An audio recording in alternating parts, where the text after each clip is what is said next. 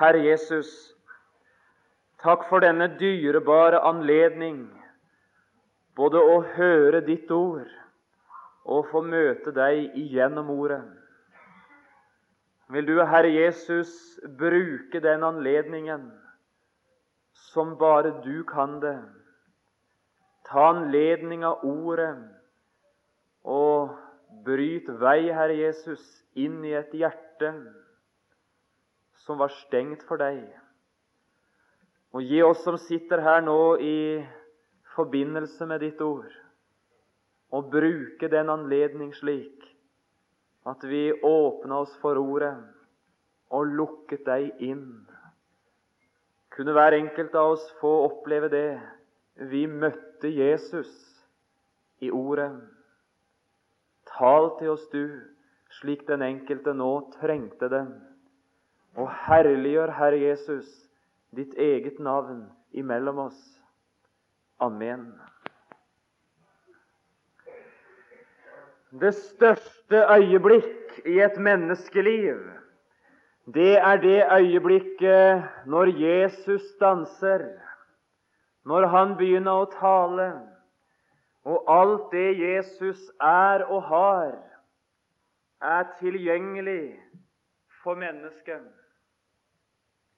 Det som da skjer, det er at hele himmelen rekkes det mennesket som ellers ikke har noe. Det er Matteus som i sitt eget evangelium nå skriver om det store øyeblikk i hans liv da Jesus kom. Han hadde ikke ventet det. Han hadde gjerne ikke bedt om det heller.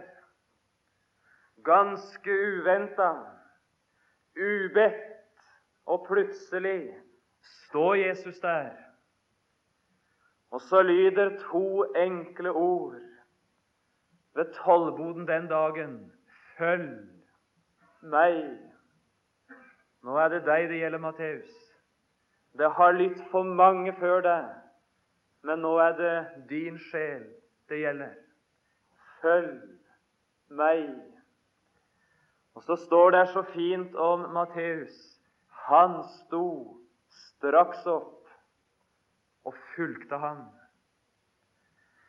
For det mennesket som slik opplever å få møte Jesus til frelse, så fødes der også en ny trang. At alle må se ham som jeg. Her fødes en sang i hjertet, en underfull frelser jeg er.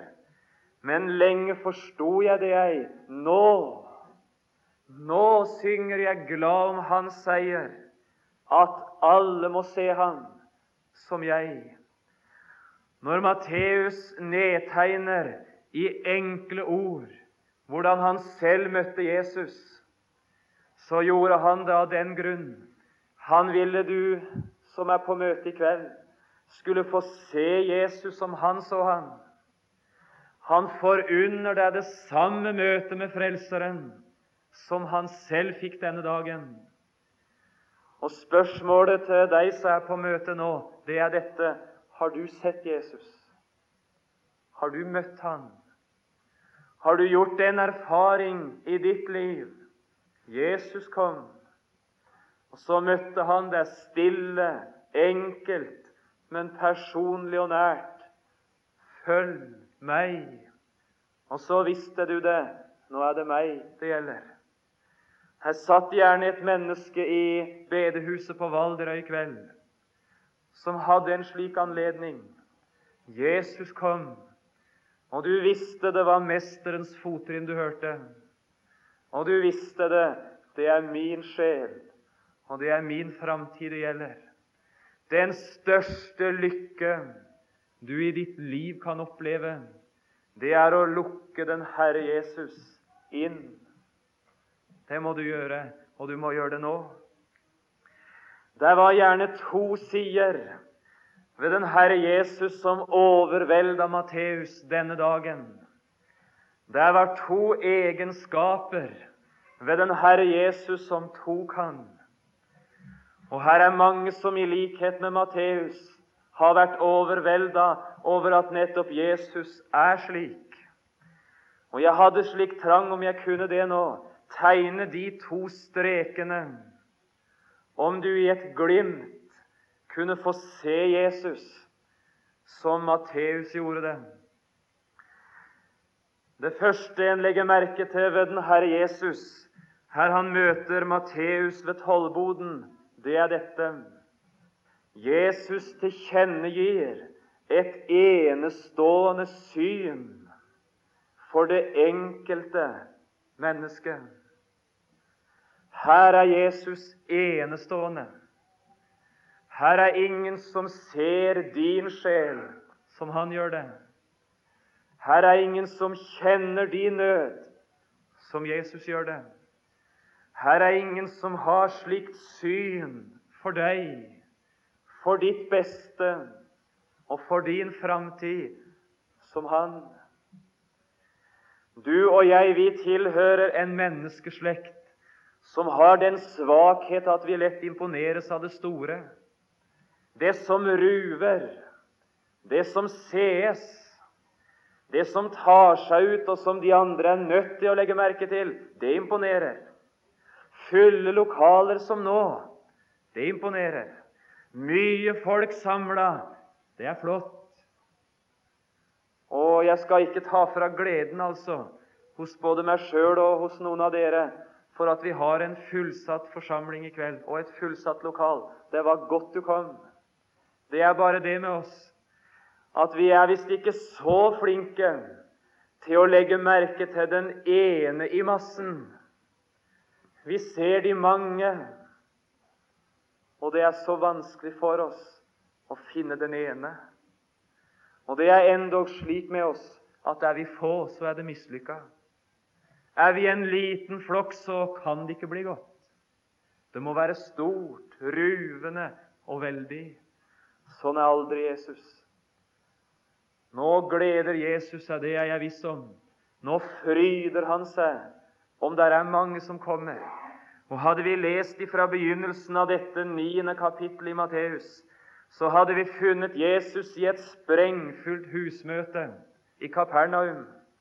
Det var så mye folk samla at det ikke var rom. De sto langt ute i gata slik at når de fire som kommer bærende med sin verkbrudne venn, vil fram til Jesus, så må de veien opp på taket. Du husker det? Og så bryter de høl så kalken spruter. Og så firer de sin verkbruddene ned, venn ned, for Jesu føtter. Mange samlet, og Jesus fryda seg. Og vi leste det også her, i tollerhuset i byen mange tollere og syndere satt til bords sammen med Jesus og hans disipler. Jeg tror Jesus fryda seg da òg. Og er her noe som ligger på Jesu hjerte, så var det dette at mitt hus må bli fullt. Det er rom for alle.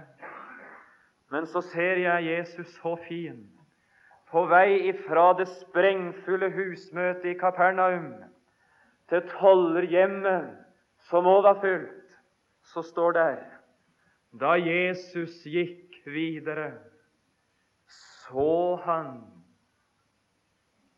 én mann. Og så fester den Herre Jesus blikket på den ene sjel. Han hadde gått hjemmefra på morgenkvisten, Matteus. Han skulle på dagvakt. Det så ikke ut til å bli noen spesiell dag på noen måte. Og de første timene gikk som en vanlig dag gikk, inntil skyggen falt over tollboden. Matteus løfter blikket og ser inn i et ansikt som han aldri hadde sett maken til. Ser inn i øyne som var fylt av en varme av en godhet som han aldri hadde møtt før. Han var ikke bortskjemt, den karen, med å møte de gode blikk og de varme hjerter. Så når han så inn i Jesu øyne den dagen, så ante han varmen. Du kan være trygg. Så skulle det bare to ord til. Verdens korteste vekkelsespreken lød ved tollboden. Følg meg. Så enkelt. Det var ikke til å misforstå. Så innbydende. Han kunne ikke annet enn å gjøre oppbrudd. Slik varme at hjertet smelta. Han sto straks opp og fulgte Jesus. Jesus kom og fant en sjel. Han så én mann. Nå ser jeg utover en stor forsamling i bedehuset. Jeg er ikke i stand til å se hver enkelt som sitter her.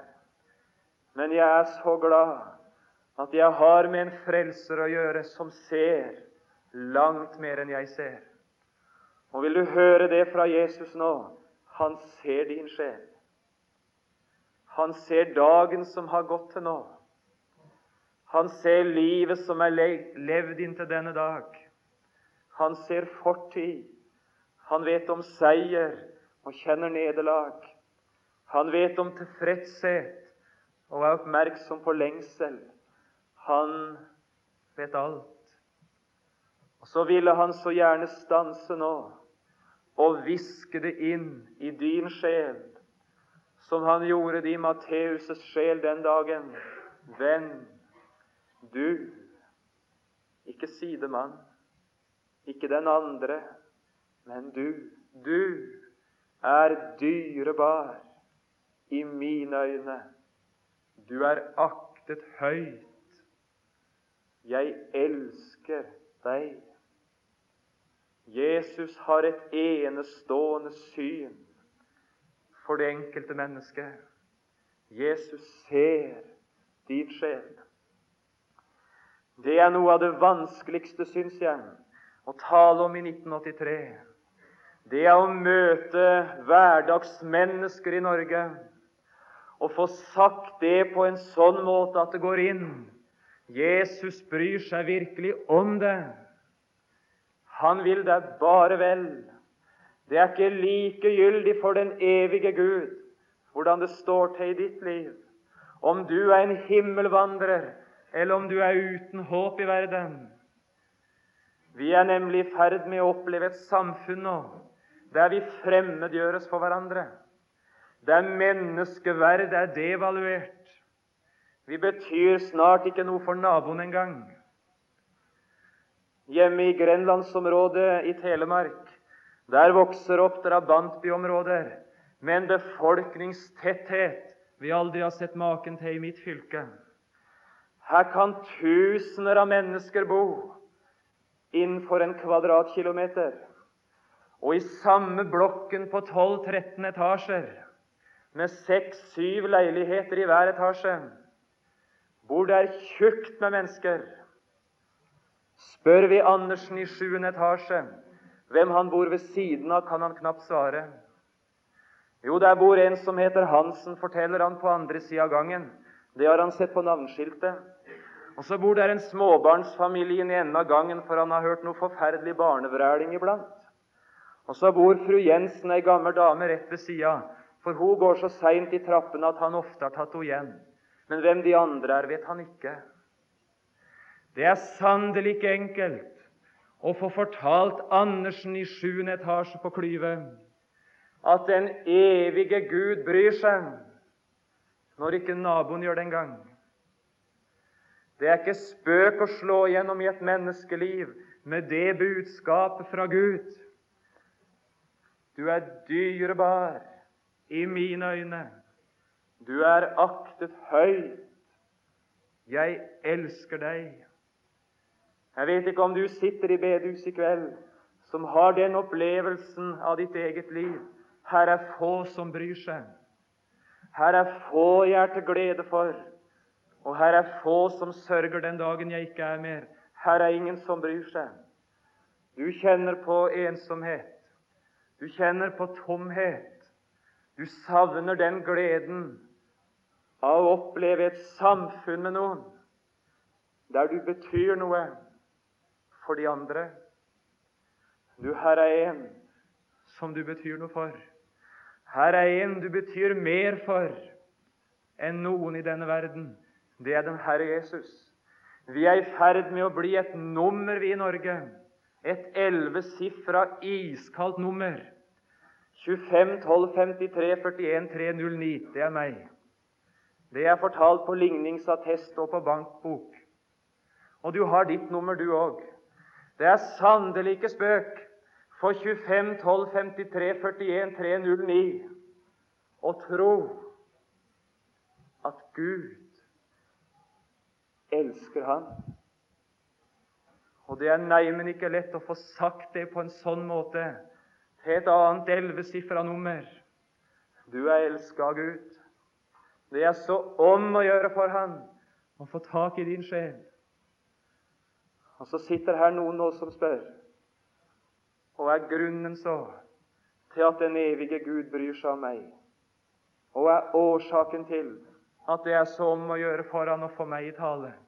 Kan jeg bety noe? Er det noe ved meg? Hvordan skal jeg kunne vite det at det er sant, det du nå taler om? Ja, da har jeg lyst til å peke på to ting, og det må du ha tak i i kveld.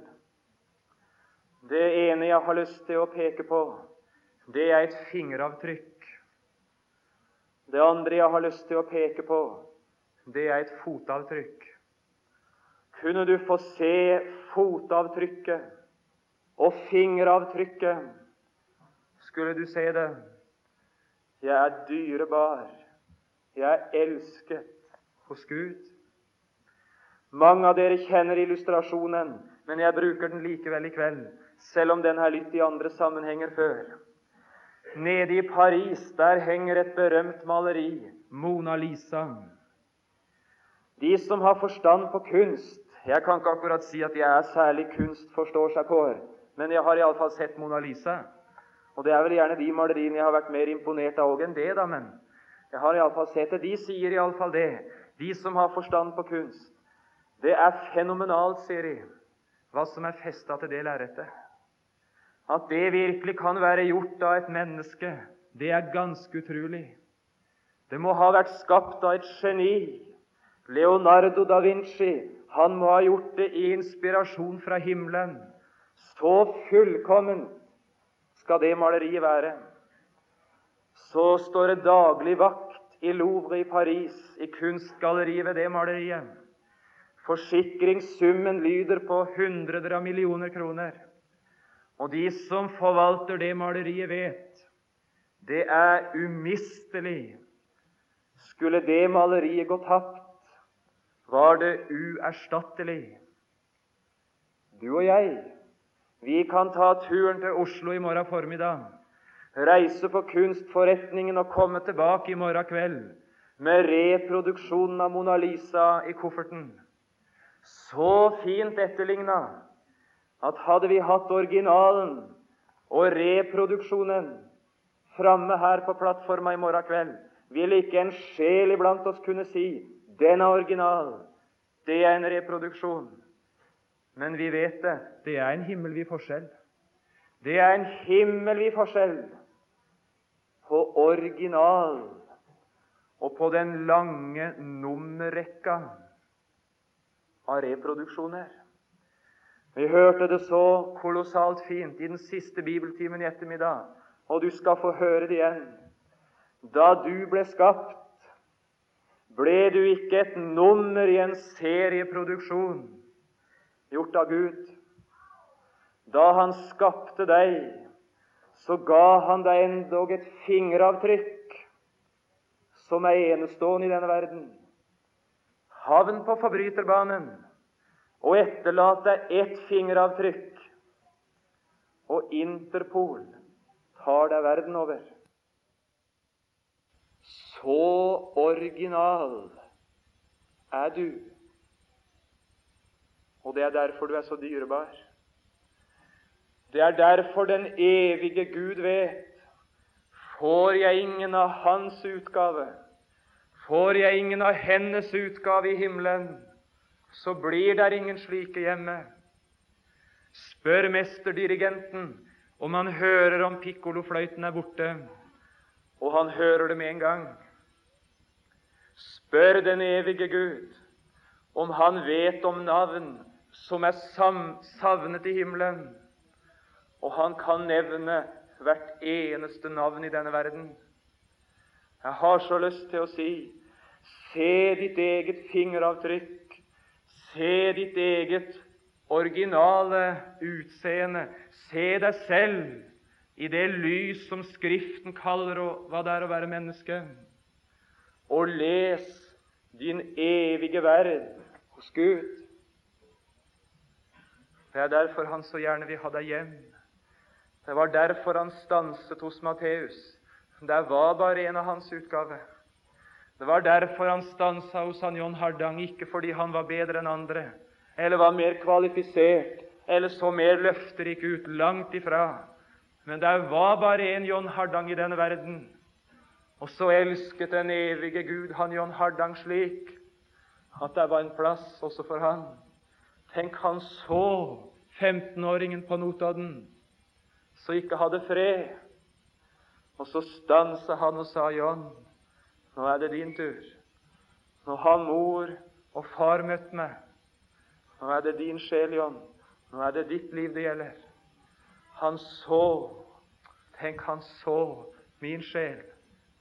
Det er derfor du er så dyrebar, fordi du har et evig verk. Du er et skapelsens mesterverk ordna av den evige Gud med tanke på den evige verden. Fest øyet på et fotavtrykk. Du finner det utenfor byporten i Jerusalem. Fotfare vi følger, går fra byporten ut til et rette sted. De kalte det Golgata. Fottrinna forteller om en mann som bærer tungt, som sleper seg fram. Og et stykke borte ser vi der han falt. Andre fottrinn samla seg ved punktet, og de samme trinn vi hadde fulgt, var lettere nå. Skrittene, fottrinna, endte ved et kors. Fottrinnene var fottrinnene fra en mann som en fredag morgen ble spikra fast til tre. De hang han mellom himmel og jord. Ille tilrett var han, så han ikke så ut som et menneske lenger. Tornekront, utmatta, piska, slått og hånt, tydelig preg av han hadde slitt tyngre enn noen i denne verden hadde gjort det før han. Trinnene tilhørte en mann som opplevde tre timer i et gudsforlatthetens mørke som ingen sjel i denne verden har smakt maken til.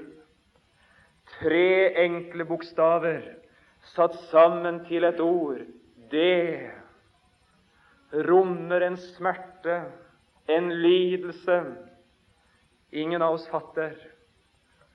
Ordene kom ifra mannens egen munn. Det, det, det er fullbrakt. Hvem var han? Han var Gud selv.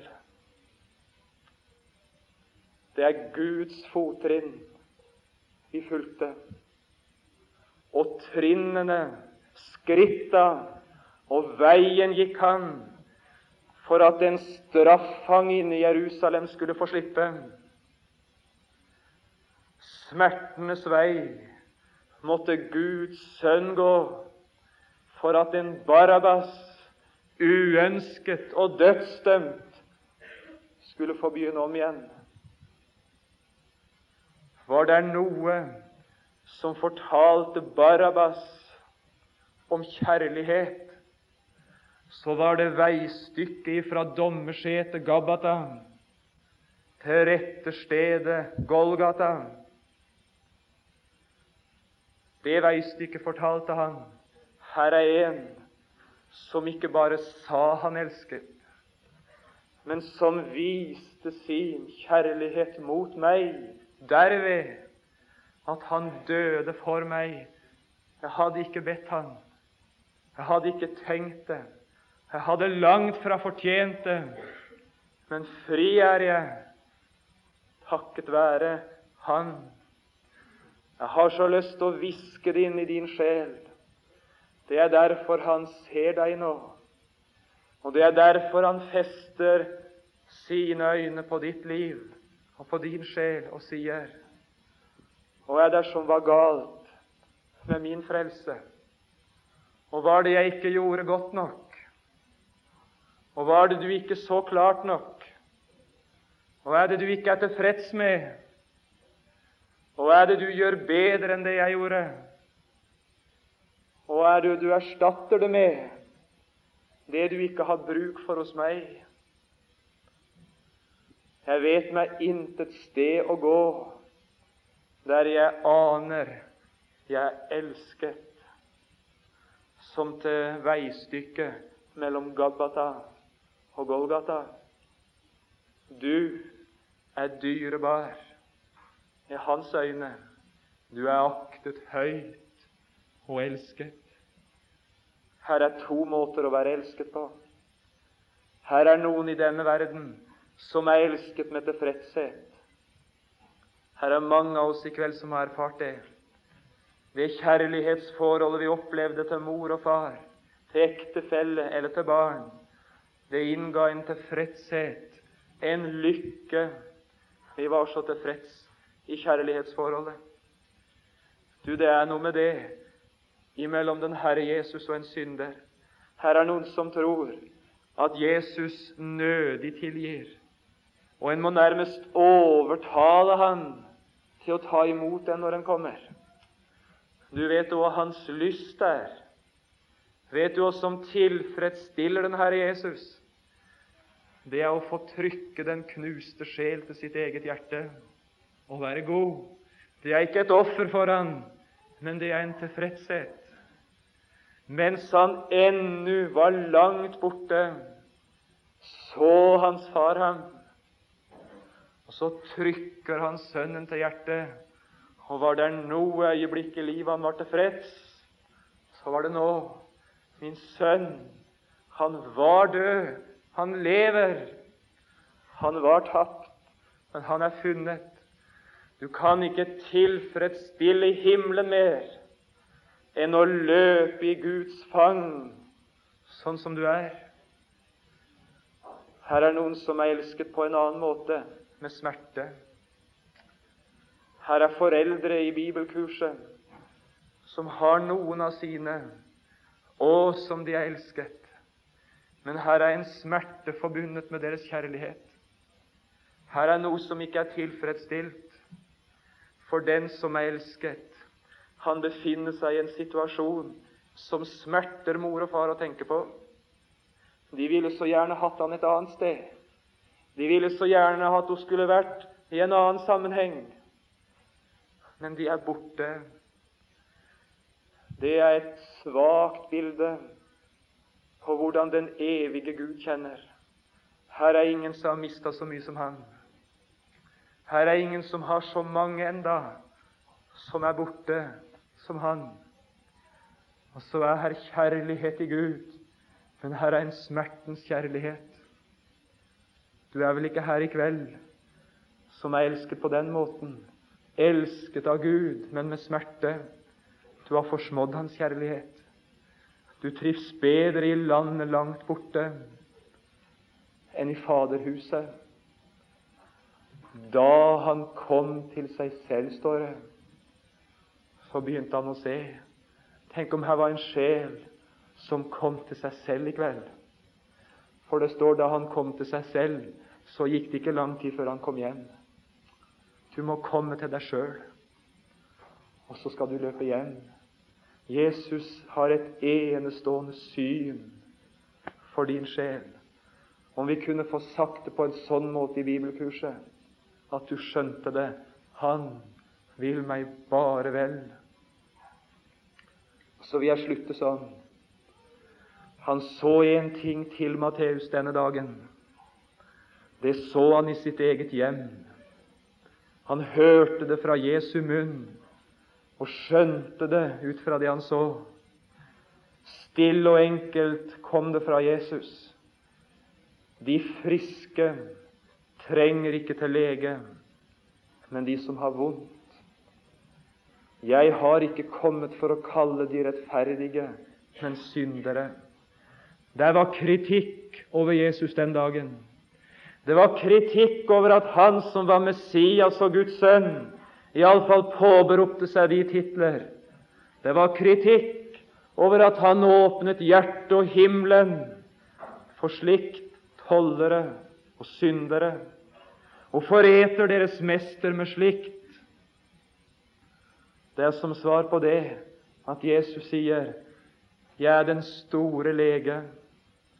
Hvor skulle en lege være hen, om ikke blant de lidende? Hvor skulle Mesteren være hen, andre steder enn blant de som trengte han? Det er kanskje lett å misforstå det ordet av Jesus. De friske trenger ikke til lege, men de som har vondt. Vi kunne gjerne fristes til å tro her er noen i denne verden som er så gode og bra og prektige og sjølhjulpne at de trenger ikke Jesus. De er, de. Men så er her noen da som har det vondt, det har gått i stykker for dem, og de er ille tilrett, så de har bruk for Jesus. Det er ikke det Jesus vi har sagt. Den store lege, han peker på to slags sykdom. Her er bare to slags sykdom åndelig sett. Har jeg ikke den ene, så har jeg den andre. Her er noen, kanskje i forsamlingen vår, som har stifta bekjentskap med den forferdelige sykdommen kreft. Iallfall er det i ferd med å bli en folkesykdom. Ofte satt der en lege og måtte si Han hadde ikke ønsket det, men han måtte. Hadde du bare kommet før. Hadde du bare sendt bud tidligere. Hadde jeg bare kunnet få stelt med deg litt før Hvorfor hadde ikke den sjuke kommet før? Han hadde ikke hatt vondt.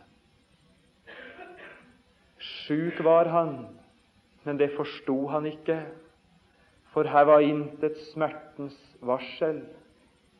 Han trodde seg å være frisk, og så trengte han ikke til lege. Du, her er mange slike på Valderøy. Her er mange i Telemark. Her er mange i hele landet vårt. De har ikke behov for Jesus. De sender aldri bud på ham. De har aldri noen trang til å påkalle Herrens navn. De er sjølhjulpne. Alt er vel med dem, tilsynelatende, for her er intet smertevarsel. Sitter du her i kveld sjølhjulpen, sjøltilfreds. Jeg har så lyst til å si her er ingen sykdom så farlig som den. Det betyr nemlig at du ikke kan bedømme din egen situasjon. Det er ikke overensstemmelse mellom din egen vurdering og legens diagnose. Du trenger legen, også du. Her er ingen så god at han ikke trengte den Herre Jesus. Her står ei kvinne ved Jesu kors, en av Bibelens edleste skikkelser, Maria, Jesu mor. Skvær og renslig, ordentlig, men ved Jesu kors var hun. Du, her er et rom ved Jesu kors for den som tror han klarer seg sjøl, men som får høre ord fra Gud. Du trenger Jesus, du òg. De friske trenger ikke til lege, men de som har vondt. Det var de som hadde vondt, legen fikk hjelpe. Det var da smertene kom, de først forsto det. Du må ha legehjelp. Du må ha det fort. Du må ha det nå. Det er en Guds gjerning i denne verden å vekke smerten slik at nøden er tagbar. Det er da det registreres på det himmelske legekontor. Her er en sjel som må ha hjelp. Han har begynt å få vondt. Han har begynt å forstå. Det er galt fatt. Her må et under til. Et legedomsunder. Og kunne jeg få hilse deg til slutt i kveld med det? Her er en lege som ikke bare har syn for den enkelte av oss, men som har akkurat den hjelp du trenger. Her er hjelp hos Jesus for den sjølhjulpne, som bøyer seg for Guds ord og erkjenner det er Jesus jeg må ha. Og her er sannelig hjelp hos Jesus for den som vet det med seg sjøl. Jeg makter det ikke aleine. Jeg makter det ikke aleine i denne verden, og enda mindre den dagen jeg reiser til den kommende. Jesus har akkurat det du trenger. Han har aldri kunnet skuffe. Her er ikke en pasient som har gått uhjulpen bort fra den Herre Jesu legekontor. Jesus kan hva ingen andre i denne verden kunne. Det både ville og kunne han. Vet du hvorfor? Han, skjønner du, ble såret for dine overtredelser. Han ble knust for dine misgjerninger. Straffen, din straff, den ble lagt på Han for at du skulle ha fred. Og ved Hans sår har du fått legedom. Der et såret hjerte møter den sårede frelser, der sår blir lagt mot sår, hodes den ville oljekvist inn på Guds oljetre i denne verden, så er det liv og håp. Herre Jesus, takk for ditt syn. Takk for det øyet som ser hver eneste sjel. Ser du en og annen i lokalet i kveld, Jesus? som på en særlig måte trengte din hjelp, din nåde og din tilgivelse, vil du gå inn, Jesus, med all din nåde og gave. Og så kjenner vi slik trang, Jesus, vi som møtte deg slik en dag, og gi deg vår takk at du kunne også i vårt liv, at du som den store lege var i stand til også å redde oss Herre Jesus, takk for min del, at du var i stand å både se og finne meg og gi meg det budskap som ga meg legedom og håp. Evig takk, Jesus. Kunne bibelkurset krones også med den sak. Her var et navn som ble skrevet i himmelen. Amen.